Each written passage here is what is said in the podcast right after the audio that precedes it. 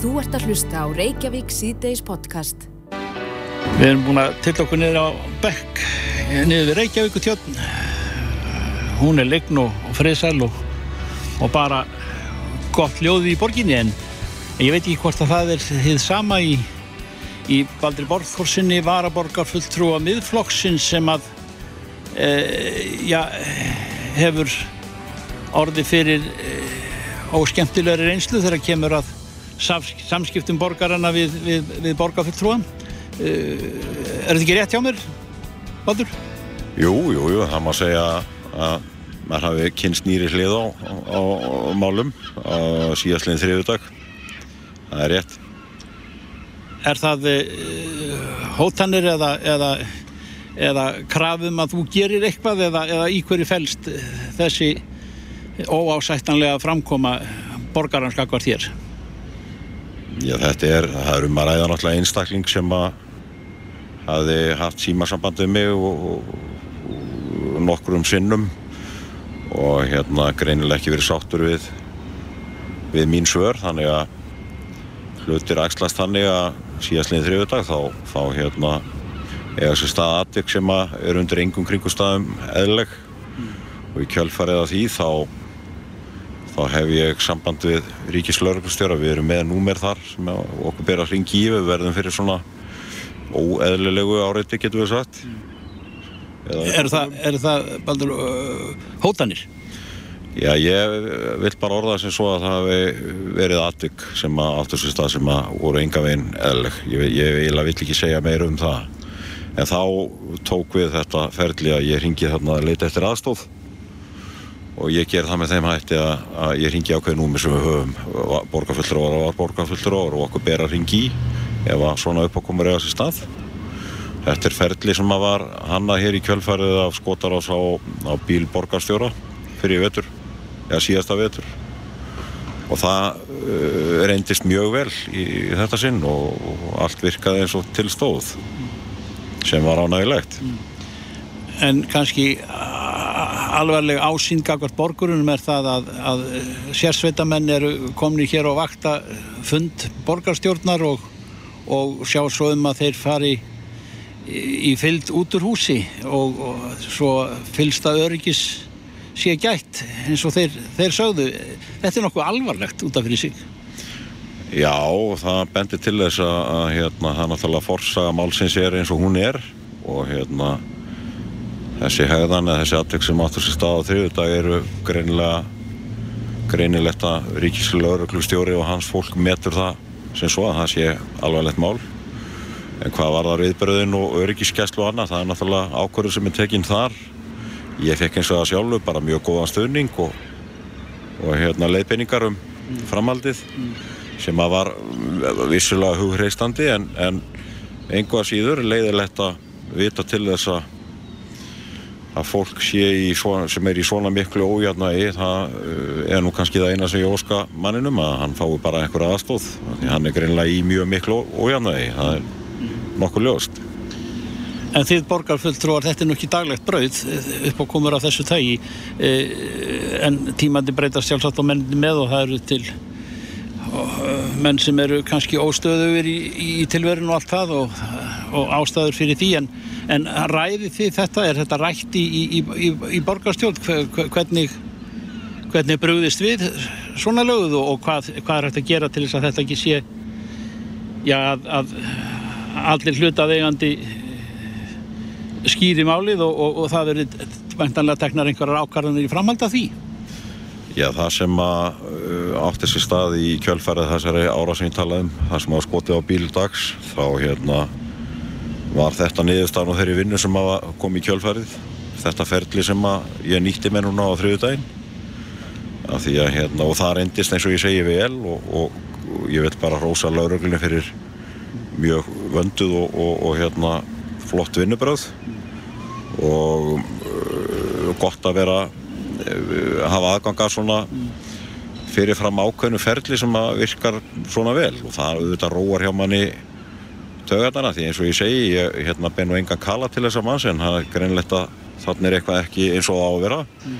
þannig að ég er nú aðalega að spá í það að það er leiðilegt að vita til þess að fólk sem svona er statt fyrir sé, sé án aðstofar myndi halda en ég, nú þekki ég ekki sögum aðsins nema þessu leiti og forsagan er náttúrulega ekki góða það er ekki þægilegt að að standa anspænis manni sem að er talin eiga gott votnabúr eða, eða, eða slíkt? Þetta er það ekkit ekki þægileg, ekki þægileg tilfinning. Nei, og það er heldur ekki þægileg tilfinning að vita því að að, að borgarfulltrúar sem er gert að ráða ráðum sínum í, í allarskapa hluti í borginni að, að þeir skuli þurfa eins og í, á þriðudaginn að, að eh, klára sín störf í deginum eh, undir laurugluvend Nei, þetta er það ekki ásættanlegt eða eðlilegt að neinu, neinu leiti en ég held að hvað var þar hvað að gera í svona það er náttúrulega ósköp fátt til ráða. Eh, það, það er til fólk sem að finnur upp á undarlegustu hlutum. Og ég held að við kannski munum aldrei ráða að bóta því en, en, en það sem ég benda aftur á er að það er gott að þetta ferli er til staðar og, og reyndist vel eins og í þessu máli og, og hérna en við getum náttúrulega aldrei komið í vekk fyrir alls konar hluti, við veitum hvernig það er að, að hérna slæmir hluti geta skeið og ég ætla bara að vona að þarna verði gripið inn í og, og, og menn fái viðegandi aðstóð mm.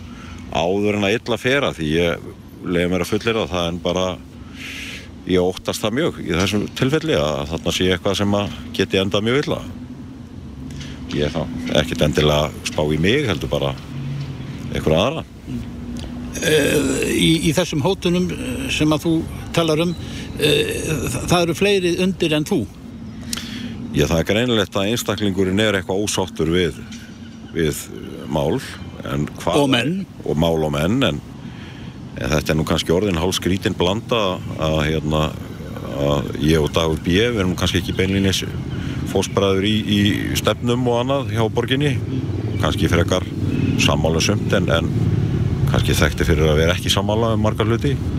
Þannig að hvernig einstaklingu fær það út að við séum konur í sama flokk, ég, ég næði því ekki. En eins og ég segi það kannski þannig er eitthvað ástæð sem ég þekk ekki sem að líka baki. Er við að segja til um það. Baldur Bárþórsson einhver næstu skref í þessu? Nei, nei, ég er náttúrulega bara held áfram að vakna mótnana og mæta hann í vörklass klukkan 6 og, og taka efingu og annað og, og fer svo í önnu störf það breytir því ekki en, en maður kannski kíkir aðeins í kringu sig næstu daga Kæra þakkir og vegna þér vel. Já, þakka ekki alveg fyrir þess að gera. Þú ert að hlusta á Reykjavík C-Days podcast. Reykjavík C-Days, nú er heldur betur að fara að stýttast í kjördag. Svo sannarlega.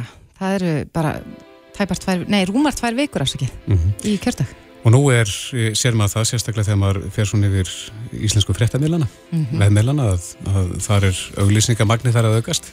Algjörlega. Aðeins meiri hávaði það er líka bara skoðanagreinar og, og frettir úr pólitíkinni allstaðar Einmitt. en uh, við ætlum sem sagt að fá til okkar fulltrúa flokkana allra tíu mm -hmm. til þess að koma hingað og svara spurningum hlustenda og við gerðum þetta mjög líðræðislega og skrifum nýra öll nöfnin og dróum Einmitt. og viðreist var, eða er fyrsti flokkurinn sem kemur hingað og uh, ég setur fyrir svörum Já, Daði Már Kristófusson var að forma viðreistnar, velkomin Takk e Förum aðeins svona yfir helstu áherslu aðrið ykkar fyrir kostningarnar.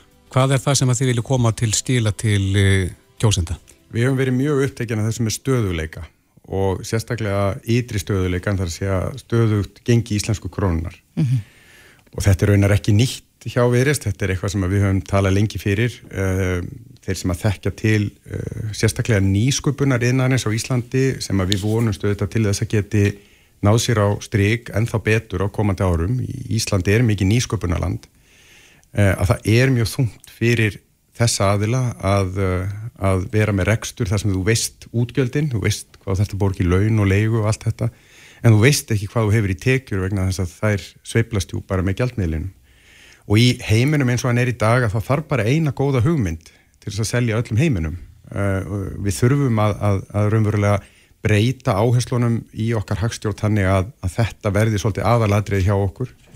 Þetta mun líka skila sér til eh, heimilana, eh, það verður ódýrar að reyka heimili, það er þannig að óvissan í kringum gengið bytnar á neytendum með ýmsum hætti uh, og, og, og ekki síst kannski í, í, í vakstastíinu. Við höfum auðvitað fengið pínulítið þegar því hvað stöðu hagstjórn getur skilað í, í, í lægri vakstagreðslum en nú eru þeir á leið upp hjá okkur meðan þeir eru stöðu í rannar staðar.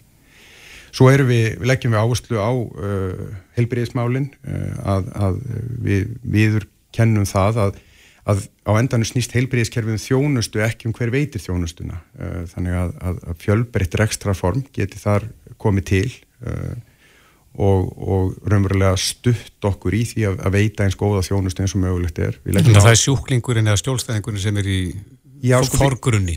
Sko, ég held að allir íslenski stjórnmálaflokkar sé á endanum sammál um það að við viljum uh, heilbriðiskerfi sem er fjármagnað af hennu ofinbera. Við viljum ekki einhvers konar engavætt heilbriðiskerfi.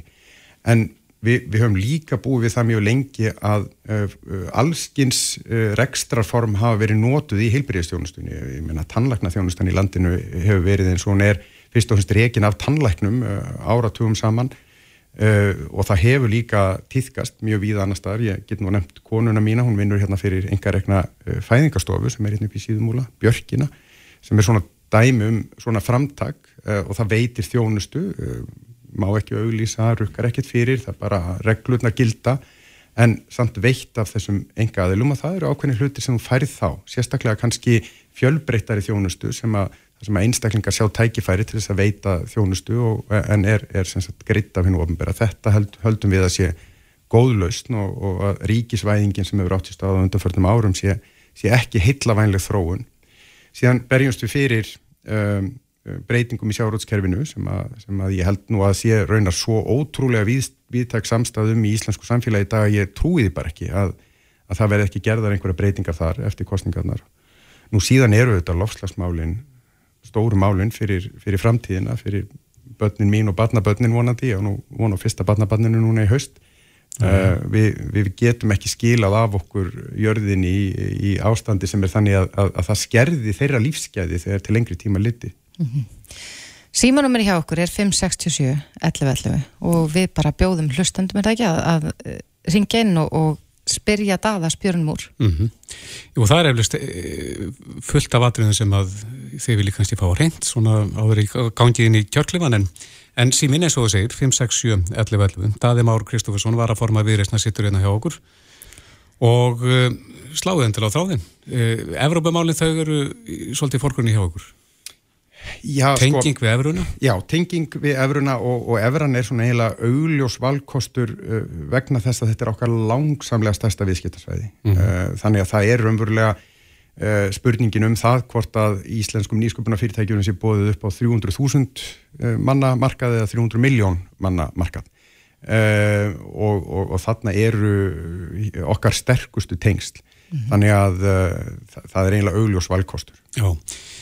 Það er komið lustand á línuna, góðan dag. Góðan daginn. Erst þú með spurningu fyrir Dada?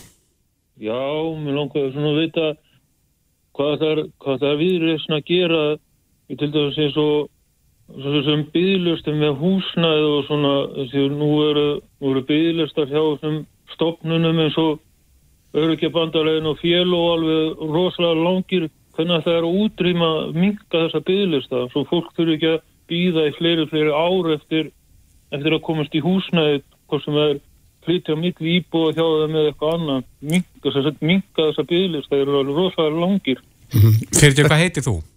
Ég heiti Jakob Jakob, Jakob. Takk Jakob um, Þetta snýst náttúrulega um að uh, þeir ofnbyrju aðilar eða enga aðilar sem að standa fyrir byggingu uh, þessa íbúarhúsnæðis og svo sem alls íbúarhúsnæðis Eh, geti bóðið það eh, bæði byggtarhatt og bóðið það á, á þokkalegu verði. Og það er alveg ljóst að, að það eru ímsir flöskuhálsar í kjærfinu og einn af þeim flöskuhálsum eru skipulagsmálin sem að hafa því miður verið ákveðin hindrun. Ríki þarf að stuðla því að, að það breytist. Serðu ykkur að löst svona til skemmri tíma? Sko fyrst og fremst myndi ég segja uh, hjá þjóð sem að raunverulega hefur ekki, býr ekki við plássvandamál. Og nú er það bara þannig að það eru fríðindi okkar að búa í svona frekar strjálbílu landi að þá ætti það á endanum fyrst og fremst að vera byggingakostnaður sem að er takmarkandi þáttur. Stóra vandamálu á Íslandi er raunverulega þá aftur hvað vextir eru háir. Uh, það gerir það verkum að uh, já, íslensk, uh, hvort sem það er fyrirtæki sem, eða, eða, eða, eða ofnbæru að, aðili sem er að byggja húsnæði raunverulega þarf að greiða miklu herri leigu, það, miklu herri verð fyrir, fyrir eignin á endanum. Þeir hafa verið sögulega lágið núna? Þeir eru samt fimm sinnum herrin í Danmörku. Þó þið séu lágir mm -hmm. og, að... og, og ef, ef að þú getur lækka þennan kostnað þá er miklu auðveldara að byggja þessi kerfi upp með því fjármagnir sem þegar er til staðar ef að hver e- eign fyrir sig er ódýrar í uppbyggingu að þá er hægt að vinna miklu hraðar á þessu vandamáli mm -hmm. E, Næsti hlustandi, góðan dag. Halló. Halló. Já, góðan dag, hver er þar? Páll heitir hann. Sæl Páll, eftir um spurningu fyrir Dalamá Já, ég ætlaði að spyrja hann út í saman til smábóta útgerina stendur ekki til að gefa smábóta útgerina frjálsa, leifin en bara vera frjálsi?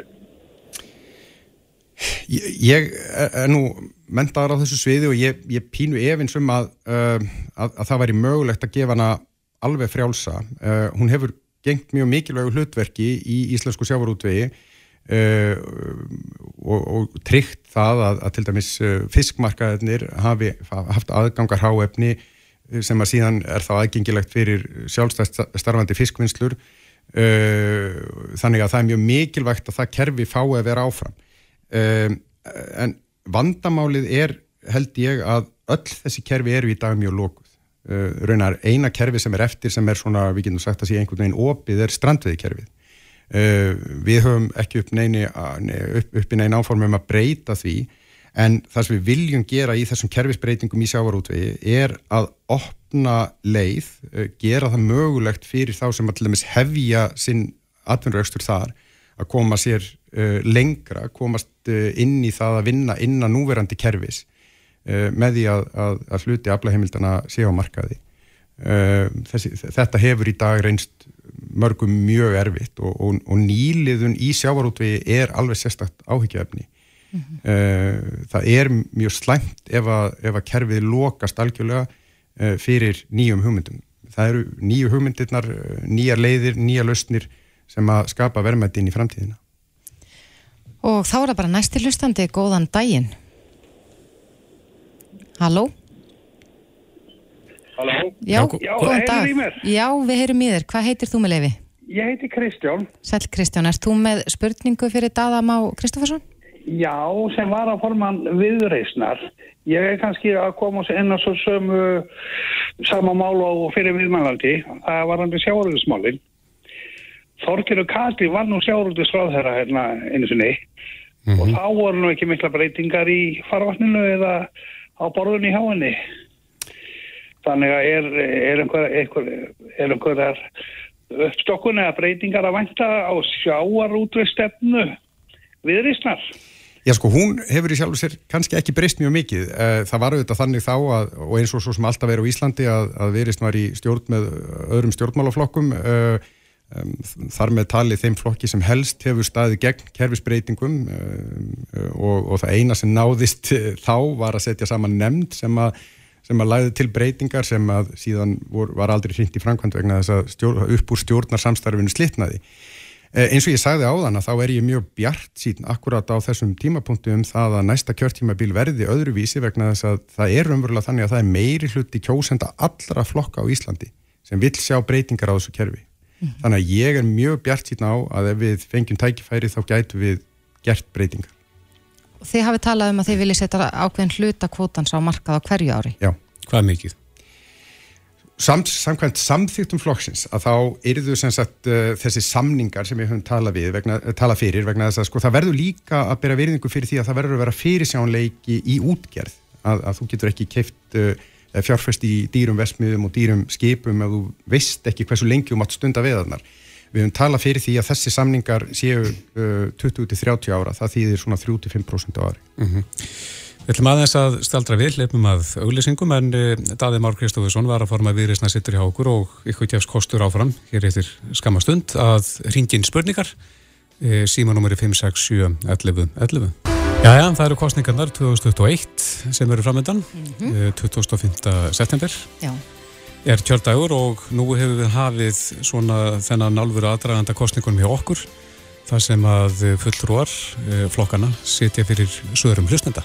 Akkurat og hann er hjá okkur hann Daði Már Kristófersson, varaformaður viðreistnar og er búin að svara nokkrum spurningum en við höldum áfram og símanúmerið er 567 1111. Góðan dag. Já, góðan dag. Hver er þar? Þór heit ég. Sæl Þór, erst þú með spurningum?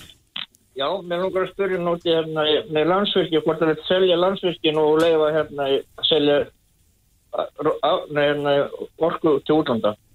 Já, sæstrengur, er, er þetta tvíþætt spurning? Sæstrengur til útlanda og selja raforku út og svo að selja landsvirkjun? Já. Já. Sko ég, uh, það eru engin áform upp um, um, um slíkt uh, viðrist stiður það ekki og ættir umverulega að gera slíka breytingu og nú er ég alls ekki að tala fyrir henni að þá þyrti að gera grundvalla breytingu á umverulega eignarhaldi uh, landsvirkjunar að að auðlindirnar sem að landsvirkjun uh, á og gætir fyrir hönd þjóðarinnar gætu ekki fyllt með þeirri sölu eins og menn hafa gert hér áður fyrir sögunni, það kemur aldrei til greina. Uh, varðandi sæstreng, uh, að þá er ég þeirra skoðunar að Ísland eigi að reyna að fá eins mikið fyrir þá orku auðlind sem við eigum, uh, það er orku auðlindir uh, sem mögulegt er og, og þar er sæstrengur bara einn af möguleikunum. Það sem er áhugavert við sæstreng sem möguleika er reynsla normana af sæstrengjónum sem líkja til bæði Danmörkur, Hollands og Breitlands og raunar tengingana við, við bæði Þískaland og Svíþjóð líka sem er að aðrir enduníanleir orkugjafar eru yfirleitt ósvejanleir það er ekki hægt að stýra því hvenna vindunni blæs eða sólinn skín uh, og einhver þarf að jafna út umverulega þennan mun á því sem er framleitt og því sem að eftirspurnin stýrir því. Það verður að vera jafnvægi þar hans bara fyrir rafmagnir og það er það sem normin hafa raunverulega verið að gera í Evrópu, þeir eru rafhlaða Evrópu, þeir selja orku þegar vantar orku inn á, á uh, norður-európska markaðin og kaupa orku með því raunverulega þá bara skrúa fyrir virkjanetna sínar Fylgjum, hvað með þá fullirðingu að tenging við Evrópu uh, hækki ráorkuverð á Íslandi? Það er algjörlega ljóst að það mun gerast uh, þannig að það er alveg óumflíjanlegt og það er því þá að vera mat okkar uh, hvort að það borgi sig eða ekki En á endanum er þetta svona svipað eins og spurningin um það ættum við að flytja út fiskin okkar eða ekki. Uh, þú veist, við gætum verið með mjög ódýran fisk. Ef að íslenski markaður verið lokaður, við beðum hérna, miljón, einu og halva miljón tonna fiski, þá er nóg fiskur hann döllum, er vit í því. Okkar niðurstaða þar að segja íslensku þjóðarinnar hefur verið nei, við seljum freka fiskin til hæstbjóðanda, sættum okkur við það að fisk verði miklu herri en það var hér áður fyrr, uh, en á móti kemur að við bara högnumst svo mikið á restinni að það réttlætir þessa verðhækkunin, já, það er bara óumflíjanlegt að þú tengir þið við markað sem borgar meira þá mun það hafa áhrif á rávorkuverð hér. Menn verður að vera bara reynskilni með það. Þannig að rávorkuverð hér er það Mundi bara pari við það sem er Já, já sko það, það er alltaf þannig að, að raunverulega uh, strengurinn verður eins konar flöskuhálsi. Mm -hmm. uh, ef að er ef að þú hittir, þú, kem, þú ferða uh, hérna, hekkur í þann flöskuháls uh, að þá rofnar sambandið en meðan flöskuhálsin ræður við fluttningin að þá er samar rávorkuverð. Það er reynsla normana og ég bara skil ekki að það geti verið annað en reynsla okkar líka. Þannig að þetta yrði að vera sagt, þetta alliða mat. Mm -hmm. Og þá komið að næsta hlustanda. Góðan daginn. Nei. Engin þarna en er einhver hér. Góðan dag. Góðan dag. Góðan dag, hver þar? Jón ekki. Sætlastu Jón, erst þú með spurningu? Já, mér langar að vita að það er talað um að Euróðan sé mjög góð í og okkar helsti viðskipta galdmiðl. Mér væri til í að vita hver væri munur á dólar og, og eurunni í þessu sambandi og hvort að okkar helstu fyrirtæki, stórfyrirtæki, ger ekki upp í dólar. Myndi það ekki vera konflikt? Sko, í sjálfu sér þá er nú stöðuleiki efrunar gagvar dólar þannig að það þýrt ekkit endilega að vera. Það er, það er algjörlega þannig og algjörlega rétt hjá þér Jón að uh, aðrar stórmyndir kæmu sjálfu sér til greina. Uh, það sem kannski talar fyrir Efrunni er fyrst og fremst bara hversu mikil viðskipti Íslands eru við Evrópu, þetta er langsamlega stærsta einstaka viðskiptablokk Íslands. Hver er munurinn á viðskiptum í Evru og dólar? Uh, varðandi Eða, þú veist, meinar umfangið. Þetta, þú segir að þetta sé svo mynd sem við hefum mest viðskipt í? Já, ef ég mann rétt að það verður til kringu 70% í eurum og þá getur þú rétt ímyndað að hluturinn í dólar er, er tölvert mikið minni. Mm -hmm. um, uh, en uh, það er líka þetta að uh, bandaríski sælabankin hefur aldrei verið tilbúin í samtöl um samstarf í gjaldmjölamálum. Það eru til ríki sem hafa einlega tekið upp dólar og það voru lítið að gera í því eins og Ekvator. Uh, það er ekki leið sem að mér hugnast eða okkur. Uh, Eh, Evróski Sælabankin hefur eins og verið tilbúin að gera svona samninga og hefur gert svona samninga við meðal annars eh, Kroati og Búlgaríu og, og, og það eru líka dæmi um einhlið upptöku og Evró eins og í Svartjálandi eh, en Þið eru að tala um að tengja við Við erum bara að tala um að tengja krónuna. við sem er miklu líkar því fyrirkomulegi sem Kroati er með og mm -hmm. Danir hafa haft um mjög margra áratugaskeið En kæmið þig reyna að tengja við krónuna við dólar? Semst aftur þá kemur að þessu hvað myndi uh, raunverulega koma okkar núverandi fyrirtækjum best uh, og, og þá er uh, held ég að eru flesti samála um það að Efran er fyrsta valið en það, hún er ekki, ekki það eina. Akkurat og þá er það næsti hlustandi, góðan dag. Já, góðan daginn, Jóhann heit ég Sætluvestu Jóhannes, þú með spurningu fyrir Dadamá Já, já, það er nú gott að spörja það út í kvotakerfi, það er nú fínt að gera það. En ég ætla nú styrta málum þetta þegar fleiri en það er mikill ágreiningur að sjómenn þeir taka þátt í, í rekstri útgerðar með olju umbúða og síðan að þarf að afnema viktun af fiskinu sem fer í fristús og en ég mér langar að spörja hann að því hvort að hann er ekki sammála því að allir fisku fara á markað og, og hvort að flokkurinn vilji taka þátt í að innkalla allar heimildir alla heimildir og stokka kerfið upp á nýtt. Það er svona einfalt. Takk fyrir þetta Jóhann. Já, takk. Já, sagt, við byrjum á setni spurningunni að þá felur umverulega þessi leið okkar í því að við innköllum allar heimildirnar. Það gerist að við svo 20 ára tímabili en, en, en þær eru allar innkallaðar. Uh, varðandi setni spurninguna. Uh, þetta er alveg 100% rétt hjá Jóhanni að sagt, uppgjörsverðin sem eru nótuð í raunverulega uppgjöru á launum sjómana það sem kallaði kannski ofinbært fiskverð getur við sagt eða það sem að sem verðlastofa hérna, verðlastofa skiptaversa ákveður er ekki verð í eiginlegum skilningi þess orðs heldur bara að tala sem verður til og á að endur speikla einhvern veginn verðmæti. Og uh, menn getur auðvitað haft ímsa skoðinir á, á, á þessu efni en allavega er það ljóst að uh, ef að markasverðin, verðin á fiskmörkuðunum verður nótuð til þess að gera upp fyrir sjóminn að þá fengju þér all mikið meira í sinn hlut um, og mitt mat er að, að uh, það skeiki svona kannski einhverjum 15% 13% í botfiski og einhverju miklu meira í uppsjáfiski það er rosalega mikil munur á uppgjörsverðunum og eiginlegu verðmæti aflans. Mm -hmm. um, þannig að, að, uh, að það, er, það er alveg rétt að þarna er uh, raunverulega ekki í aft skipt. Já Við komumst í miður ekki lengra verðum að skipta þér á hretastofuna en Daði Már Kristófersson var að forma að veriðsnar. Kæra þakki fyrir komuna og takk hlustendur fyrir spurningarnir. Kæra þakki fyrir mig. Þetta er Reykjavík C-Days podcast. Reykjavík C-Days heldur áfram. Mörg heimil í dag eru mhm. komið með svona snjaltæki eh, eins og Amazon Echo, Google Home mm. og, og svo er þetta að tala við Apple TV sitt og þetta er allt, getur stýrst hinn á þessu heimilinu Einnig. bara með því að eh, nánast tala út í loftið. Já. Þú ég, þekkir þetta. Ég þekkir þetta, ég er með eh, hátalar nánast í hverju herbyggi heima þannig að maður er alltaf í færi. En ókostunum þetta er að maður eh, þarf að tala ennsku mm -hmm. til þess að hérna, eiga samstíktu við tækin. En við höfum áður hér í þessum þætti talað um íslenska, já, forritið, emblu, mm -hmm. en núna er embla ekki bara forrit, heldur verður líka svona boks sem hægt er að tala við á íslensku, skilur íslensku mm -hmm. til þess að hafa inn á heimilum sínum. Já, Viljálmur Þorstinsson og Kalla Ástíðsdóttir eru komin til þess að ræða þessum emblu bóksið. Velkomin. Takk. Takk. Þetta er næsta skref, þar sem við hefum talað um appið, en e, nú er þetta verða bara að svona vöru áþreifanlegri. Já, ég vil held að fólk muni vilja gætnan hafa emblu á borðunni á sér í eldhúsinu eða stofunni eða viðar í húsinu og geta bara hvena sem er sagt svona út í lofti eins og fólk þekkir frá þessu sem þið voru nefnaðan sagt bara hæ embla, mm -hmm. kvektu ljósin eða, og þá vil fólk ekki þurfa að fara hann í vasan, sækja síman opna hann, finna appið og, og, og ræsa það upp, heldur bara geta sagt bara beint hæ embla og, og hvað getur embla gert? Sko, Embla getur auðvitað gert ímislegt í dag, hún getur uh, sagt þér fréttir, hún getur sagt þér veður og veðurspá, hún getur breytt gælpmiðlum, hún getur sagt þér hvernig stræt og kemur, eh, hún getur sagt þér hvar þú ert og hvað þú ert lengi að fara eitthvað annað mm -hmm. og svo framvegis og við erum alltaf að bæta við þessa möguleika.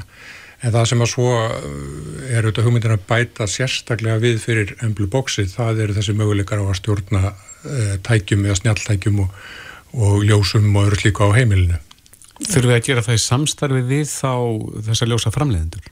Við erum í samstarfi við Reon og þau eru hérna búin að vera í velbúnaðinum. Mm -hmm. Við hjá miðandi erum bara í hugbúnaðinum. Hvað með, hvað með til dæmis eins og Philips Hue sem er mjög aldingt? Já, það eru nokkrir staðlar í þessu. Vandin er sem sagt sá að maður þarf auðvitað að eru nú að geta ráðu við meirinn eitt staðal, mm -hmm. en það eru sem betur verið ekkit mjög margir staðlar sem eru svona leiðandi í þessu, þannig að við ætlum að reyna að styðja svona þessa helstu.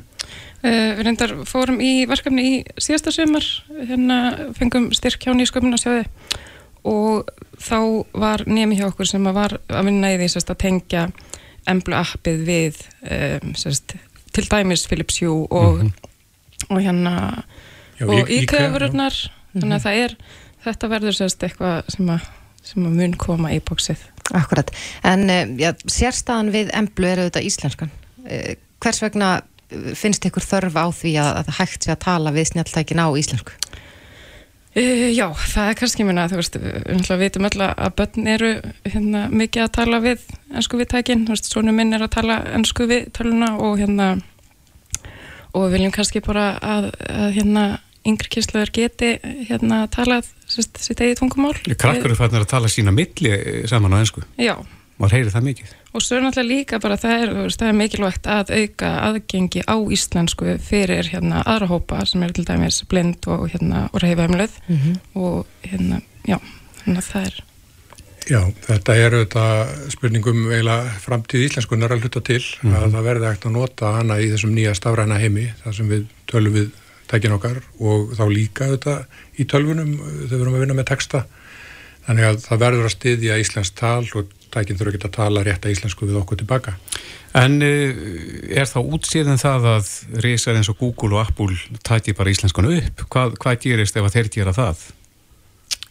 Já, við erum nú í og með svona alveg eins að bara vona það, sko. Það, það er sem sagt í gangi máltækni áallun stjórnvalda sem mm -hmm. að uh, nýtist okkur miðal annars í þessu verkefni og þar er verið að þróa, ekki bara verið að þróa sagt, svona hugbúnað, heldur er líka verið að vinna gögn, það er verið að sapna tali og, og hérna, búa til íslenskan talgerfil og svo framvegs og stóru fyrirtækin muni alveg geta nota þessi gögn líka eh, þegar vonandi að því kemur þau stiði í íslenskunni í sínum græum eins og er verið við náttúrulega horfast í augvið það líka Íslenskan er svo lítið tungumál að við erum ekki ofarlega á þeirra listum það er ekki ekki kannski þá viðskiptalega ákvörðun, þetta er á einhvers konar samfélagsákvörðar, ábyrðar ákvörðun að stuði í íslenskuna. Já, mm -hmm. en það væri bara fagnarefni í rauninni fyrir okkur, ég held að, ég held að hérna, það sé enginn að vonast þess að græða nýtt rúslega mikið á, á þessum máltækna aðverðum. Nei, en, en það er samt líka þannig að, að við, við teljum okkur nú vonandi geta verið samkjörnisfær e, þó að við fengjum slíka, slíka samkjörnindi því að eitt af því sem við til dæmis gerum, við erum Íslands fyrirtæki, við erum að nota opin hugbúnað mm -hmm. og fólk veit líka hvað við gerum við gögnin eða sagt, við erum ekki að hvað við segja, njósnum fólk eða sapna öllu saman í einhvern reysa profíl e, einstaklings eins og stóru fyrirtækin er að gera. Mm -hmm. Þannig að ég held að fólk að ég líka geta verið svona rólegra með, eh, hvað sé að persónuverndar uh, hliðina uh, í okkar tilfelli. Akkurat. En Katla, þú heldur hérna á uh, bóksi. Er þetta frumgerð af emblu bóksinu? Já, þetta er frumgerð af emblu bóksinu, bara skélin í rauninni. Við erum ekki með hérna velbúnaðin inn í þessu, Nei. eins og er, en með okkur, það eru aðrar frumgerðar á skrifstofunni. Um, þetta er þrývitaprentað úr plasti á skrifstofunni á Reón og hérna Það þetta er bara, eh, svo maður getur líst þessu fyrir hlustöndum og þá er þetta bara lítið boks, þannig að það fer ekki mikið fyrir svo heimilfólks. Svo teiningur. Já, þetta er bara teiningur mm -hmm. með svona, hérna, svona smá, hérna, einhverju logói á og svona smá fínheitum. Já. Og inn í þetta þá setjum við pínleila tölvu og hátalara og mikrofón og, hérna, og ströym og allt sem þarf og svo er það bara hugbúnaðurinn sem að ræði því hvað embla getur gert. Já, mm. en uh, þú talar eins og persónuverðið náða, núna hefur oft verið talað um að, að síminn mann sé að hlusta á mann og mögulega Google Home og, og maður þarf sérst ekki að hafa ágjör af því með embla, að embla sé sífælt að hlusta.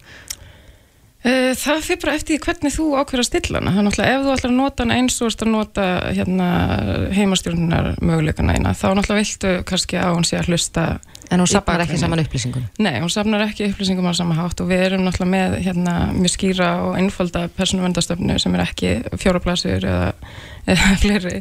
Mm. Þannig að það er bara, hérna, og, og það er eitthvað sem við lögðum upp með alveg frá upphafi að, að vera hérna veist, vera innlendi þægilegi aðilin að þessu leiti við viljum ekki að, að fólk þurfa að vera hrætt við að hérna, það sé vera safna upplýsingum um það en hins vegar er appið náttúrulega þannig að það getur ekki lusta í bakgrunnin þannig að þeir sem eru með eða þeir sem eru með emblu í dag í símanum sínum þurfa ekki að hafa neinar ágjör af því Nei.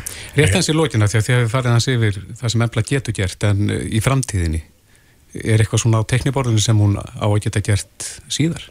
Já, sko, það spurning hvað maður áfara hún í takna. Í dag er, er embla svona, hún er byggð upp á svona málfræði reglum, sko, hún kann mm -hmm. ákanna hluti, eh, en það sem gerast í framhaldinu er að við eh, sjáum fram að fara með svona gerfugreindartekni inn í emblu mm -hmm. og þá verður hún eh, færum að svara miklu opnari spurningum. Mm -hmm. Spurningum sem við höfum kannski ekki endilega þurft að gera ráð fyrir að vita um fyrirfram, að, að, heldur spurningum sem að þá getur hún svarað úr úr Wikipedia eða fréttum dagsins eða öðrum gögnum til dala opnum spurningum eins og segi sem við höfum ekkert endilega síðan fyrir.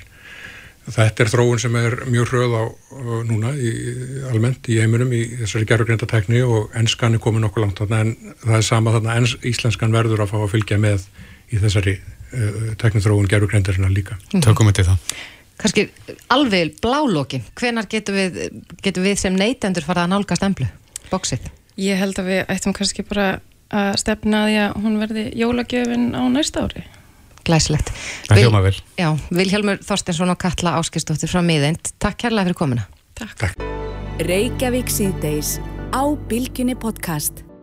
Jæja, Reykjavík síðdeis heldur áfram og þá nú mikið verið rætt um ferðarþjónustuna mm -hmm. sem að er svona aðal fjörettið í efnahag þjóðarinnar. Algjörlega, við sáum það mjög skýrt núna í heimsfaraldur um hvað þetta skiptir okkur miklu máli. Einmitt, og tók mjög hratt fram úr sjáarútögnum á, á sínu tíma. Mm -hmm. En e, þessi markar er líka brótættur þegar að svona heimsfaraldur íður yfir, þá hverfur svona business bara á einni nóttun annars. Akkurat, og þetta skiptir það okkur miklu máli að, að huga vel að þessu e, þessum atvinnuvegi og bara þetta er greiðarlega mikil tekisköpun fyrir þjóðarbúið. Einmitt og uh, við þurfum að huga þessu til framtíðar talandum það þá rakst ég á grein inn á vísi.ri dag sem heitir Framtíð ferðarþjónust á Íslandi og þarna eru já, nokkru greinar höfundar sem voru að vinna lokaverkefni MBA-námi við Háskóla Íslands mm -hmm. sem eh, já, gekk út á það að meta stöðuna í ferðaðinaðinum á Íslandi og hvort nota mætti aðferðir nýsköpunar til að styrkja stöðu sjálfbarni og bæta markas ímynd Íslands og einn af þeim er hingað til okkar komin Gísli Níls Einarsson, kom til sæl Takk fyrir. Já, þetta er, þetta er ansi, já, stórt verkefni eins og, eins og ég hérna las upp hérna rétt á hana að þið er að meta stöðuna í ferða innanum í Íslandi og hvað hva var það svona helsta sem þið komið staði í tengslu þetta? Sko, við ákveðum að gera svona stöðugreiningu á ferðarþjónustunni. Eh, við horfum að horfa árin 2009, hvernig það var svona, hvernig ferðarþjónustunni var stödd 2009 mm -hmm. og svo 2019 og það voru svolítið svona áhugavert að sjá hvað komi ljós eftir að við vorum búin að rýna hagtölu frá Hagstofu Íslands og alls konar eh, skýslur sem hafa verið gefnar að hagsmunnaðilum og, og henni ofinbera og eitt af því svona sem sló okkur doldi er það þegar við vorum að með, bera saman árin og þá sáum við það að brottfari frá Keflavík, ferðarmöðunum frá Keflavík hafi fjórfaldast frá því 2009-2019 mm -hmm. og heildar eðsla ferðarmanna þrefaldast en hins vegar þá hafði neysla per ferðamann hún hafði minkað um 30% Er eitthvað stýring á því? Já, þú veist, þetta er svona sko, þegar mann horfir á svona stefnu og stefnu og markmið stjórnvalda og hagsmunnaðala svona síðustu ár, áratug þá við var lagt upp með það að reyna að fá svona betur borgandi ferðamenn mm -hmm. fá ferðamenn sem var að skila miklu til samfélagsins, það er að segja veist, hérna, þau voru að ræða á svona efnahanslegan vöxt og svo framiska að ferðarþjónustan veri mikilvæg að þá eru bara að fá fólk sem að eigðir meira á Íslandi. En þessa tölur síndu bara okkur það fyrir hérna COVID að þó að við varum að fá svona rosalega fjölda þá voru þeirra eigða minna á Íslandi. Mm -hmm. Þýðir þetta að við þurfum að, já kannski einbytt okkur að því að marka setja Ísland fyrir þeim hópum sem eru hva, hvað æskilegastir til þess að eigða meiru eða hvað? Já, það var, það, það var alltaf planið og, og stefnan og, og markasetningin sem hefur verið undanfærin ár, hún átt að gera það mm. en hún var greinlega þess að tölu sína, sína fram á það að það hefur ekki tekist en það sem að kannski eh, að því nú eru búin að ræða svo mikið um svona hvernig framtíðin á að vera og þetta með sjálfbærnin og svo leis að, að þá er mikilvægt að, að horfa til þess að það er búið að setja svona fram ákveðin stefnur ramma fyrir ferðarþjónustunum til 2030 mm. og hann er mitt gengur að horfa þess að þrjá þætti sem tengja sjálfbarni að við erum, ekki, við erum að horfa efnahag, við erum að horfa umhverfismál og samfélagsmál hvernig ætlum við að hámarka allt þetta úst, á sem hagkomast að máta fyrir, fyrir, fyrir Ísland þannig að við getum verið sem sjálfbar ferðarþjónusta mm -hmm. En hvernig ferðarmenn eigða meiri peningum hér? Hvernig lítur svo ferðarmar út svona samaborið við þann sem að eigðir minna? Sko við, við skoðum það ekkit, ekkit sérstaklega þegar við vorum að greina þetta, við vorum bara svona að horfa heldarmyndina en, en það voru svona ákveðna vísbyrningar þeir sem voru frá Asju var að eða hlutastlega meira mm -hmm. og svo núna, e, núna Í þá eitthvað sérstakt þá? Eða... Nei, bara þú veist, hótelgistingu og, og bílalegur og, og svo framvegis mm -hmm. um, en það sem kannski við vorum líka að horfa er þetta við vorum að velta fyrir hvað sko, getur nýsköpun stöðla því að vera aukinn sjálfbarni í ferðarþjónustu mm -hmm. og við skoðum svona, svona, við tókum viðtöl við ráþerra, hagsmuna fulltrá hagsmunal í ferðarþjónustu og, og fyrirtæki og háskólusamfélagið og það komur svona margt áhugavert í ljós að þrátt fyrir allar þessar stefnur og varandi markasmál og sjálfbarni í ferðarþjónustu og svona þá var misjap skilningur á milli aðila. Og mér er að segja jafnvel í stjórnsýslinu þar sem að það ætti að vera að tala saman og þá vissu sumir ekki að það væri, væri til eitthvað sem heiti stefnirammi ferðarþjónustinnar okay. þannig að, alveg, þannig að það var rosalega svona áhugavert að, að sjá þetta. Það vantar greinilega meiri samtal og sumu leiðist þegar vorum að hlusta á fólk og það var að tala um sjálfbærni þá var eins og þau skildi ekki haugtakið mm -hmm og eins og núna, þetta, þetta er svona doldið tísk orð, það er sjálfbærina allstaðar mm. eins og núna, ég var heyrðum daginn það var að tala um uh, sjálfbæran hérna, ef, efnahag ríkisins en, en í þeim skilningja að við séum rétti með yfir nullið en, en það er ekki sjálfbærni sko, í sjálfisir Stýra það og sjálfbærni eins og ég sagði á hann, það gengur út á það að við séum að, ekki bara að horfa efnaðarslega þætti, við erum að horfa á það að, að við séum að huga umhverfinu líka í því sem við erum að gera eins og til dæmis rekstur ríkisins og svo líka hvernig, hvernig hlutinir hafa áhrif á samfélagið það er í rauninu verið sjálfbarni mm -hmm. Það hefur oft verið talað um það að Íslendingar hafa oft minnst á það að það hafi jafnvel verið of mikið að ferðamönum hérna fyrir COVID að ferðamannastæðir hafi verið bara já, tróðnir uh, við skoðum það eitthvað sérstaklega? Já, við skoðum, við rýndum í skýslur sem hafa verið að mæla sagt, uh, fjöldaferðamanna á ákveðnum stöðum en því miður þá er svona markvisa mælingar hafi ekki verið nógu góðar sagt, á þessum helstu ferðamannastöðum en eins og til dæmis í landmannalögum þá voru ferðamanninni sjálfur farnir að tala um það að vera of margir Var það fyrir COVID? Já, þetta var fyrir COVID, þetta var 2019 Þannig við ekki að sko. gefa okkur það að eftir COVID þá vilji fólk jafnvel hafa enn færri í kringu sig Já, maður myndi að ætla það og, og, og við sáum ákveðu svona tækifæri líka og vorum að velta fyrir því hvort að ferðarþjónustan væri að nýta þetta tækifæri sem myndaðist í COVID, þetta andrými að þú veist að skoða bara býtu, erum við að huga nógu vel að sjálfbætni, getum við gert eitthvað nýtt í nýsköpun til að verða bara enn betri sjálfbarni þegar að COVID er búið? Mm -hmm. og svona kannski svona heldar niðurstaðan okkar heldar niðurstaðan okkar var eiginlega svo að því miður þá væri ferðarstofan ekki að nýta þetta tækifæri nógu vel. Þa, það væri margt í gangi en það var svona svona ákveðin uppgjöf mm -hmm. menn svona voru fyrir svarsýnir og, og hvernig hlutina þetta veru og breyna að halda sér flot, á floti í reksturinnum og voru kannski ekki með fókusin á sjálfbarnina Ég rakka augun í það, þið eh, talið líkum hér í greinina að þið vilja eh, leggja til eða tala um að þau verkefni sem þurfa að gangja í er meðal hans að koma á aðgangs- og umferðastýringu á vinsæla ferðamannstæði. Erum við, eh, eru ferðamennir svo margir á sama staðinu, við hefum nóg af landi, við hefum nóg af ferðamannastöðum en eru allir að fara á sömu staðinu? Á sama tíma? Já, Já. Sko, það var líka alltaf áhugavert. Við skoðum svona tölur, hann á 2009 og 2019, varandi bara hvert er ferðamæðurinn að fara og bara svona kannski gott dæmi um það við horfum bara svona hvar eru, hvar eru ferðamæðurinn að gista og árið 2009 þá voru 51% ferðamæðurinn sem kom til landsins að gista á höfuborgarsvæðinu. Mm -hmm. Árið, og svo voru við alltaf að tala með um þurfum að dreifa um, um landi, mm -hmm. en árið 2009 þá voru 63% á höfuborgarsvæðinu þannig að það segir sér doldið í sjálft að ferðamenn, að, að, að þegar við erum að sapna ferðamennum svona mikið á sama stað þá fara þeir bara svona rétt út fyrir borgin á þá mhm. staði og það kom, hefur komið alveg svona eh, klárlega í ljós að, að við höfum bara upplegað sjálf þegar við fórum fyrir hérna á þessa ferðamannastæði Gullfoss og svona þingvel áður en að COVID kom að það var margt um manninnar uh mhm. -huh. og það þarf að, þarf að gera átak í skipilasmálum í kringum uh, þessa áfangastæði það þarf að einhvern veginn að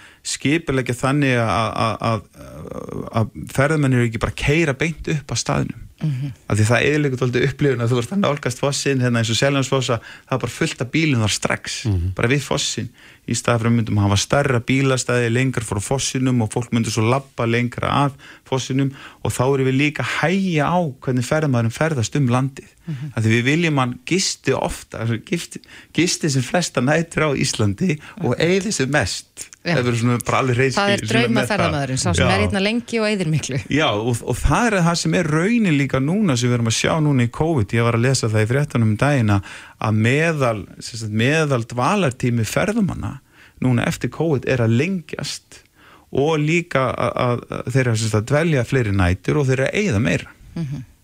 Já Þannig að við erum allavega að nálgast eh, jafnvel á leðinni rétt átt.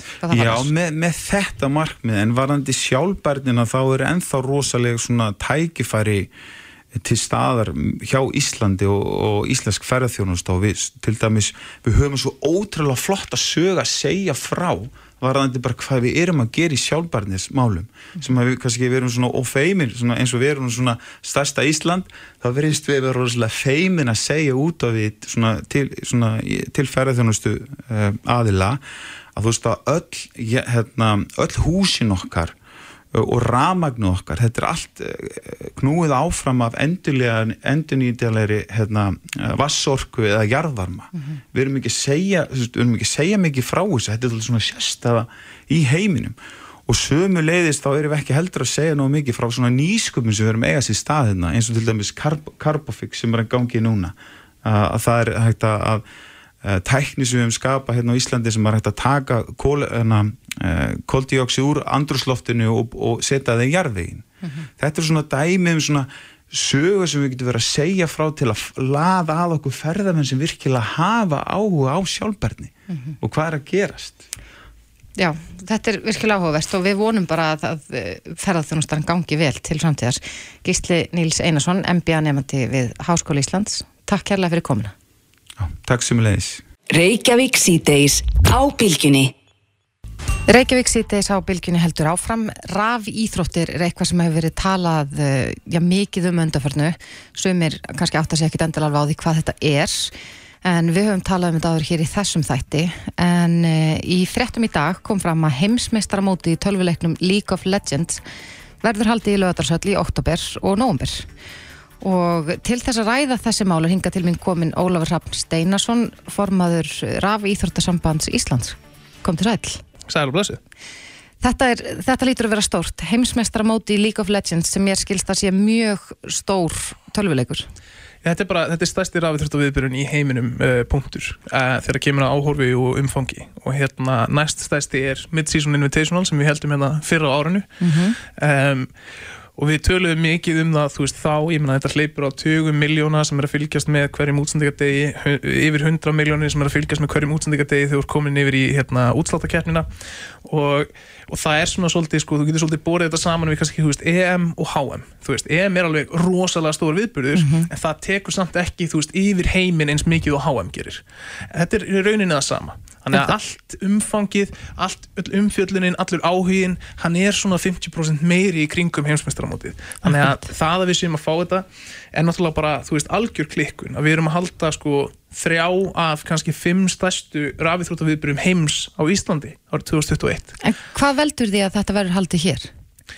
Bara við eigum frábært fólk, nummer 1, 2 og 3 um, hérna, þau hjá Íslandsstofu hafa sagt, tekið, sko, hafa séð um að keira vagnin þegar kemur að samskiptum við ræjot og tengja þá inn í allt íslenska kerfið. Mm -hmm. og við höfum verið þeim innan handar þegar kemur að sérþekkingu varandi rafíþróttir og, og hvernig þau geta best þjónustað þá hluta af verkefninu. Þannig að bara massíft rós sem að, sem að teimi á Mítin Reykjavík og, og hérna, Business Iceland á skilið í að vera og leysa þessi verkefni svona vel. Og það er í rauninni það að e, við heldum þessi tvö mót hérna fyrir árinu. Um, það komum ekkert COVID-smitt kringum mótin, þá eru samt 400 einstaklingar sem voru hérna að starfa um, á svipum tíma og það var að verða aftur uppgangur í smittum uh -huh. og, og þú veist og það voru, eitt, e, voru fullt af peningi settar í það að halda sko COVID algjörlega þú veist fullkomnu. Og, og svo var bara ánægja þvert yfir með alla þjónustu aðila með alla hérna, samstafsaðila með, með Íslandsstofu með þú veist, góða samvinnu með ráðuneytum og ráðherrum um, þú veist, til þess, að, til þess að litka fyrir það sem þarf mm -hmm. og, og bara almennt séð einn ein besta upplifun þeirra á að koma einhvert og halda viðburð hefur verið á Íslandi þannig að þegar þeir lenda núna í veseni í Kína með því að þeir get ekki tryggt landvistarleifi fyrir alla spilarna, þeir get ekki tryggt það að allir spilarnir komist aftur til síns heimaland þegar mótið er búið, að þá þurfa þeir á mjög skömmum tíma að taka hérna marg miljardar króna verkefni og færa það einhvert annað í heiminum.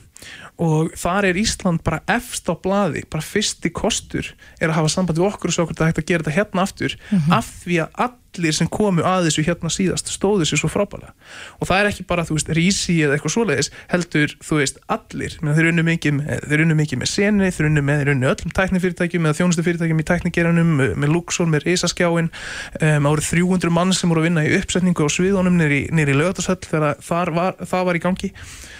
Og, og allt þetta fólk stóð sig vonum framar. Og það mhm. sýnir líka bara þú veist, eh, hva, tröstið sem að Ísland er að vinna sér inn út frá þessu er alveg rosalegt og sínir að við eigum viðbúrabransa sem að getur kæftið á besti heimi. Akkurat, maður, maður finnur það að þetta er að verða stærra og stærra sko, þessi rafíþrótta heimur bara uh, almennt. Já. finnir þið að, að, að áhugin er meiri?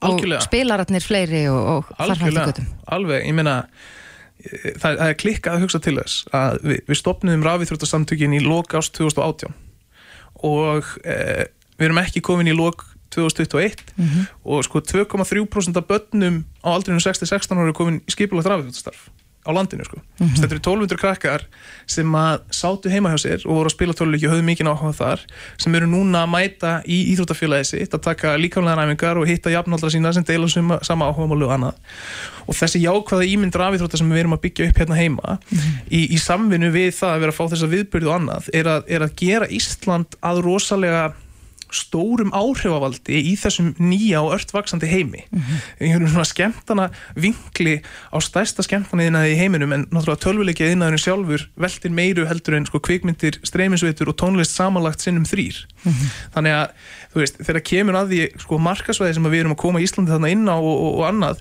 það er þetta bara þetta skiptir alveg rosalega, rosalega miklu máli í, í að bara halda okkur sem virkum þáttakanda í þessu alþjóða umhverfi @웃 En, en þetta er í raun og verið grunninn rafíþróttir, þetta er bara þú ert að keppa í að spila tölvuleiki og það er ekki bara þessi mhm. -huh. League of Legends sem verður hérna eh, heimsmeistarmótið í oktober, mhm. heldur alls konar tölvuleikir. Fullt á leikim og ég menna það eru, það eru yfir 500 miljón spilarar sem spila þessa topp 10 rafíþróttatitla uh mhm. -huh. og, og það eru 500 miljón manns í heiminum uh, sem eru að fylgjast með þessu reglulega, þannig að yðnaðurinn uh, sjálfur er fann að velta yfir miljóti bandarækjadólara á, á ári. Ég, hérna, ég heyrði flekt fram hérna á göngunum tölum í dag að sko, veltan af þessu værinu eru starri en sko, tónlistar og kvikmyndað innaður samanlagt? Já, tölvuleikið innaðurinn er tónlist, kvikmyndað innaður og streymisveitur samanlagt sinnum þrýr. Já. Það er sem sagt, sem sagt bara sko farsíma tölvuleikir eru tónlist, kvikmyndir og streymisveitur sinnum tveir. Akkurat, en uh, líka vakti aðtekli mín að uh, já, það verður leikið um miljónir dollara í verðlunafið á þessu mhm. heimsmeistramóti. Það eru greinilega rosalega miklu peningar í spilinu. Já, það voru yfir 200 miljón dólarar í veluna fyrir í rafithróttum árið 2019 sem dæmi. Um, það fór aðeins niður á milli ára át af COVID, það voru ekki eins mikið stórum viðbyrðum, en það hefur, er svona cirka í kringum 160 til 180 miljónir dólar á ári sem eru gefnir út í veluna fyrir í gegnum rafithróttir. Og hérna, en svo náttúrulega, þú veist, þegar við tölum sérstaklega um þessa viðbyrði sem er að koma hérna, þá er þetta náttúrulega bara, þú veist, þetta er stærsta landkynning sem hefur nokkuð tíma tekið til Íslands veist, þetta er, þetta er mánuður sem þessi spilar er að vera að keppa hérna, öll fimm stíg mótsins, sko, Mhm. þú veist, umspilið riðlakeppnin, milliriðlarnir útsláttakeppnin og úslutakeppnin þetta var allt kert hérna á Íslandi og allir fréttaflutningur og allt það, þú veist, þetta er allt byggt á Íslandi Þannig að þetta er bæði það- landkynning og skilar síðan bara uh, hreinlega tekjum í ríkiskassan. Já, og bara tekjum sem hlaupa á miljörðum, sko. Um, En þú veist, eh, hérna, þú veist, við erum ekki með bara einhverja staðfesta tölu, sko, en þú veist, þegar maður talar við alla aðilana sem hafa komið að þessu, þá eru allir að tala um það hvað þetta sé stór biti fyrir þá líka og, hérna, og það má alveg búast við því að þegar öll kurl eru komin til grafar að þá hlaupið á meira heldur en, heldur en miljardi sem að rafíþróttaviðbrur hafa skapað þjóðabúin í tekjur árið 2021 og, e, og það er sko eftir, innan við þremur árum eftir að við byrjuðum að gera eitthvað í rafíþróttum þannig að það sýnur okkur hvað er mikið sóknartæki fyrir hérna fyrir Ísland og, Mhm. og hvað við getum haldið áfram að byggja þetta upp rétt eins og við höfum gert með eins og kvikmyndaðinaðin hann hefur reynst mjög vel fyrir okkur og, og, og svo vitum við heldur ekki hvað tækifæri þetta gefur okkur næstu tíu árin að þú veist, þetta er í fyrsta skipti í sögu League of Legends sem að Riot Games fyrir á sama staðinn aftur. Þetta, er- þetta er í eina og fyrsta skipti sem hann farið með alþjóðlega viðbyrð á sama stað 2000 í röð. Þannig að við erum í raun að brjóta blaði í sögur rafíþrótta. allan daginn. Heldur við um nóg inni í þessum gera? alveg meira enn og, og, og ég, held að, ég held að Ísland bjóði upp á hákjaði innviði þegar kemur á rafmagnu og interneti. Um, við búum, bjóðum upp á, á fest loft og frábæra reynslu fyrir alla þáttangandur sem er að koma hingað og, og taka þátt. Um, við bjóðum upp á rosalega jákvæð og, og góð skilabóð þegar kemur að rafíþróttum og, og vekkferðinni að komast inn í atvinnumkurið sem við tölum gegn því að sitja heima og spila klukkutímunum saman heldur tölum með markusum æfingum og, líkamlegu hreisti. Um, þannig að það er mjög margt sem vinnur okkur í hæginn þarna. Já. við erum líka að gera þetta mjög snemma þú veist, rafíþróttur eru ennþá á bernsku árunum þó að þessi orðnar svona stórar. Akkurat. um, og, og nóg inni þar, þú sér að áhörnundahópurinn er að vaksa um sko 10% á ári og það er verið að týna áhörnundur úr öllum samfélagshópum. Þú veist, mamma mín situr núna heima og horfir á sko íslensku deildina í Counter-Strike og ringir í mig eftir leik og, og hrósa leikmönnum fyrir sko strategíu og, og hérna og annað sko. Þú veist, og það er góna sem, sem átti mjög erfitt með það að ég spilaði sko skotleiki frá því ég var 11 ára. En svo um skilja þetta betur og, og hérna fór ekki að fókusa bara á það sem að enginn sem spila leikin gerir Mhm. að þá allt í henni fór hún að skilja þú veist, af hverju þetta var svona taktist og skemmtilegt fyrir okkur Já, en þetta er spennandi. Þetta verður hér í, í lögadagsvöld í, í uh, oktober og nóvember. Já. Ólafur Hrafn Steinarsson, formaður rafíþróttasamtaka Íslands. Takk kærlega fyrir komuna. Bara takk sem leiðis. Reykjavík síðdeis á Bilginni podcast. Reykjavík síðdeis heldur áfram. Ég held að uh, við, við getum alveg sammælst um það að við elskum að hata uh, raunveruleika sjónvarp. Já, sum hver. Sum hver. Ég allavega hef svona lúmst gaman af uh, raunveruleika sjónvarpi yfir höfuð. Einmitt. En uh, nú er í gangi rosalega skemmtileg uh, þáttaröð á stöð 2 sem heitir Fyrsta blikið. Mjög skemmtilegi þættir. Já, þetta er ekki, þetta eru stefnumóta þættir en þeir eru ekki með hefðbundnu sniði þetta er Nei. ekki svona bara ókunnugt fólk að hittast á bar heldur það er búið að handvelja hverjir hittast út frá ýmsum forsendum og, og samtölum við aðstandendur og annað slíkt Mhm. en það er hún Ásaninna Pétursdóttir sem að- stýrist þessum þáttum og hún er hingað komin, komdu sæl Sælverði. Þriðji þátturinn er á morgun, ekki satt? Jú, hann er á morgun á stöðfö klukkan 18.55 Hverja sjáum við þar? þá fáum við að kynnast e, fáum að kynnast æðislegum pörum, þetta er alltaf æðislegir einstaklingar segir mig, vilja meina. Slá ólíkir einstaklingar, við fáum að kynnast tveimur pörum. Uh, ungu pari strákar sem að heita Jón Yngvi og Jón Foss. Og svo er það að hjón, nei alls ekki hjón. Verða verður þau hjón. hjón. Nei, djók svo er það hún Ása Fönn sem á, á heima á Hauganesi. Og Magnús Jálstöri sem er búsittur Reykjavík. Jaha.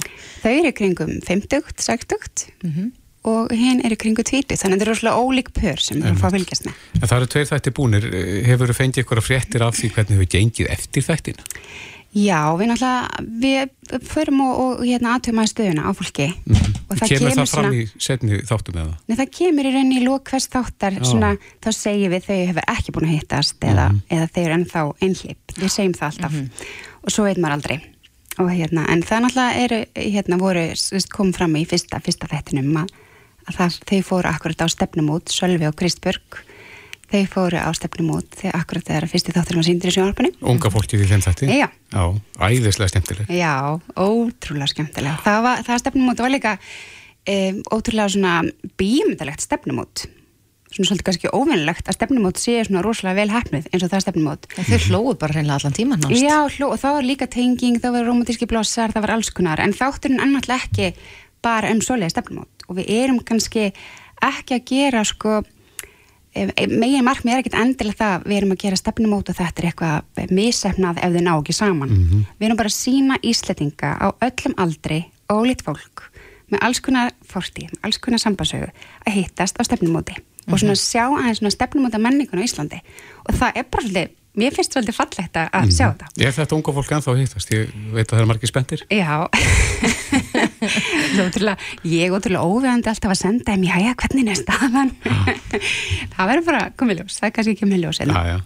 En uh, já, talandi um stefnumóta menningun á Íslandi, þá hefur Já. nú verið oft rætt um hana og svo er líka búið að ræða um stefnumóta menningu núna í kringum COVID þar sem að, að Mm. stefnumóta öppin eru kannski vinsalast og fólk er hefur ekki verið mikið á já, fjölmennum samkomum og slíkt. akkurat. En hefur fólk verið að leita til þín eftir að þættinni fór í síningu og bara svona vilja fá aðstóð þína við að finna hinn fullkomna maka? Sko, ekki eitthvað svona bei, ekki eitthvað ókunnött fólk en sko, finnst það að skulle segja þetta af því að ég er bara síðan, eiginlega bara síðan ég var úlingur, þá er þetta bara svolítið ég Að koma saman fólki. Já, ég er alveg, get verið mjög óðandi í að, bara, þú veist, ringja í einhvern sem bara, herri, ég held ég viti um þennan fyrir þig ég alveg komið nokkur vinið minnum saman, sko Og hvernig tekur fólk í það? Bara, ég vilt vel, fólki finnst það bara skemmtilegt og þetta er eitthvað svona ég veit ekki, þetta er eitthvað, þetta er ekki endilega einhver þrá hjá mér að koma öllum koma öllum út, að fólk með ekki vera, vera einhleift, sem er bara að elska að vera einhleifur og hafa gott að því. Þetta er eitthvað svona sem bara, mér finnst mjög gaman að gera og sjá. Þannig að hérna, en jújú, jú, ég er alveg búin að fá svolítið að skilabóðum, sko. Og hefur eitthvað tekið það lengra? ertu, bara, ertu, með, ertu með eitthvað skjal yfir einhleift fólk sem Sko, nú við?" mögulega er, er hérna kærasti minn búin að þurfa að stoppa með stundum af þegar ég er komin kannski aðeins og djúft inn í mál annara. Já. Ha. Akkurat. Við skiljum hvað þetta meina. Já, en hérna þú eru að tala um stefnumóta upp og, Mhm. og hérna stefnumóta markaðin. Þá er ég myndi að fara að gera grein, þess að byrtist grein á morgun, Mhm. akkurat um þetta, um stefnumóta forritin og hvernig áhrif þetta búið að hafa á stefnumóta menninguna síðustu 10-15 ár og hvernig þetta áhrif hefur á líðan okkar, bara sem einstaklinga. Af því að þú veist, þegar við vorum ekki með þessu upp, þá var mengið okkar bara það sem við vorum þann tíma inn á þessum bar eða á þessum tónleikum og við þurftum að eiga í einhverjum svona samskiptum til að, til að skilur þau. En núna er þetta bara, ertu með mengi sem ákveður gegnum skjáðin. Einmitt. Þannig að er margt að breytast. En það er líka fréttir af því að kynnsjúkdómar hafa blossað upp. Allir það tengist þessum öppum eitthvað? Tengist allan ekki þáttunum, sko. Nei. Til að hafa það á hreinu. Já, já, ég veit það nú ekki. Ég, kannski að ertu að meina að skyndikinni séu fleiri gegnum öppin. Já, og það eru fréttir af því að núna bara í COVID Já, já, þá, þá blossuðu kynnsjúkdómar upp. Það kom fram í fréttum í gerða veitum Evrópu með þetta í kynnsjúkdóma. Já, en gæti það ekki líka verið að því fólk var kannski ragara við að fara, var, var ekki eins mikið að verða læknis út af COVID, það er líka getgáttur um það, hvort að það sem er að málið. Já. Það getur vel verið. Hmm, alls konar pælingar. Já, en hvað eru margir þættir í þátturöðinni? Þetta er þriði þátturinn núna í kvöld og þeir verða alls sjö þættir og þeir eru allir rosalega ólíkir og það er alveg svona alls konar til tilfinningar held ég sem að fólk muni mun upplifa við að sjá þættina. Glæsilegt. Við hlokkum bara til að horfa. Ásannina Pétursdóttir, takk kærlega fyrir komin. Takk fyrir. Hlustaðu hvena sem er á Reykjavík C-Days podcast. Í nútímanum er maður alltaf að heyra eitthvað nýtt og, uh, og sumt af því svona snertir mann strax en uh, svo frétt bast yfir heimsbyðin ekki, ekki fyrir margt löngu að að, uh, að líf sáðfruma sé til næstu framtíðar og já og lengri framtíðar litið uh, kannski alltaf í taldir dagarnir en, en við höfum gengið hérna til fundar við hana Berdísi Björk Bæringsdóttur, hún er sérfræðingur í, í þrávirkum efnum og, og þar segir manni það Berdís að þessi efni koma við sögu þegar við erum að, að tala um að sáðfrumum fækki stórlega. Herði já, þetta eru svo kallað innkýrtla tröflandi efni. Þetta er efni sem sagt bara sem maður finnur í dagstæglegu lífi og hafa núna verið að hafa gegnum tíðina verið tengt við mm. sem sagt mingun að fjölda sáðfruma hjá meðal kallmanni og einnig gæði þeir sæðis og ófrjóðsæmis vandamál er núna á uppleið og hefur verið á uppleið mm. um, þessi efni eru bara til núna dagstæglegu lífi. Við erum að tala um bara í textil, í fatnaðunum okkar þetta er í matar um búðunum, matarílátunum sem við notum við. Þetta er í plastinu þetta svona snertir mann svona svolítið, já, já þvóttafnum einnig snirtiförur, sólarvarnir. Mm. þetta, þetta svona komið rosalega í snertingu við okkur. Svo þetta er ekki bara einhvað sem að atvinnulífið er að fást við mm. heldur er þetta svona bara það sem við notum dagstælega mm. En Bergdís eh, er, nú flegir líka tækninu fram, er hægt að koma því við, spilsa á sem ekki veit, eh, að breyta efnasamsetningu, þvóttefna eh, og, og ráftækja málingu og, og fleira sem að þú telur upp af þrávirkum efnum, er hægt að fjarlæga þá komponenta úr þessum sem veldur þessu sem að e, gerir okkur frí að þessum áhrifum? Herði já, það er náttúrulega til óra grúi núna bara alls konar vöruflokkum sem við getum fundið. Núna get þaust það, þú getur farið út í búð og fundið alls konar merki. Mm.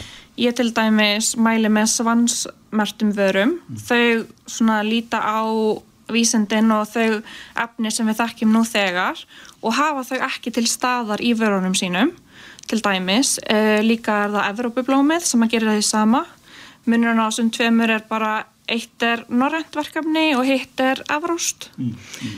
svo þetta er svona það sem maður getur horta á en það er ekki all, allar veru með þessu það er náttúrulega hægt að spurjast fyrir hvað, hvað er í þessu það er hægt að velja efni og, og hluti sem er án til dæmis þú veist að velja fjölnóta vörur sem eru þá úr uh, áli til dæmis, tré ef við erum með eldúsáhald til dæmis bara við eldamennsku mm. þá getur við notað við trí eða farið í steipujártspannur það er til fullt af alls konar möguleikum í bóði mm. og það er, já, það er hægt að taka þetta úr, það þarf ekkert andilega að hafa en það er margt af þessu sem maður vill hafa.